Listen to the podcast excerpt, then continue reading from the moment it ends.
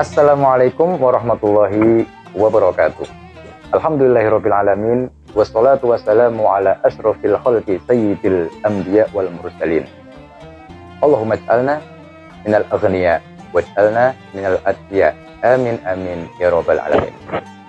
Pada kali ini kita akan sedikit bercerita tentang cita-cita semua manusia yaitu ingin menjadi orang yang kaya.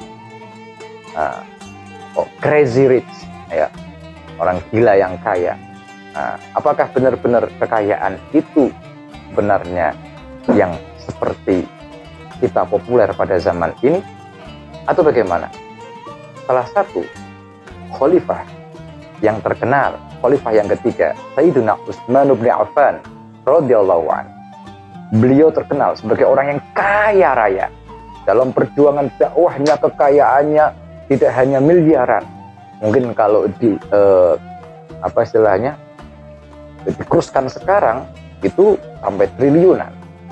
Beliau tetapi kekayaannya itu disumbangkan untuk dakwah Islam membantu baginda Rasulullah Shallallahu Alaihi Wasallam.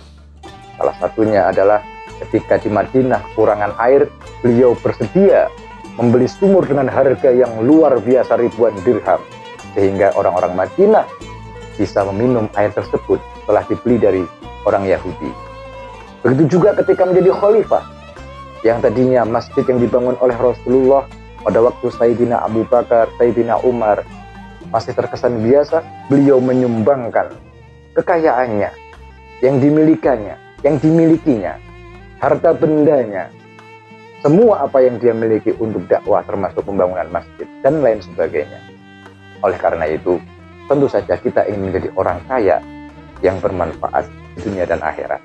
Perspektif kekayaan ketika kita menyebut banyaknya villa, banyaknya uang, banyaknya harta benda, emas, itu wajar.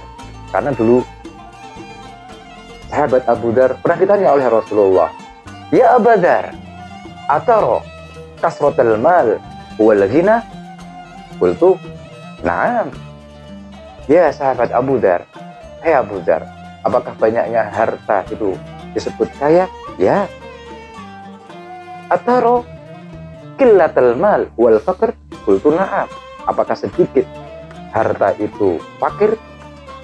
Ya Rasulullah. Namun Rasulullah bersabda, Innamal ghina hinal qalb wal fakru fakrul qalb. Sesungguhnya kekayaan itu adalah kaya hatinya dan kefakiran itu ketika hatinya fakir. Ini sesuai dengan hadis Rasulullah Shallallahu Alaihi Wasallam. Beliau bersabda, "Laisal ghina an kasratil arad, walakin al ghina hinan nafs."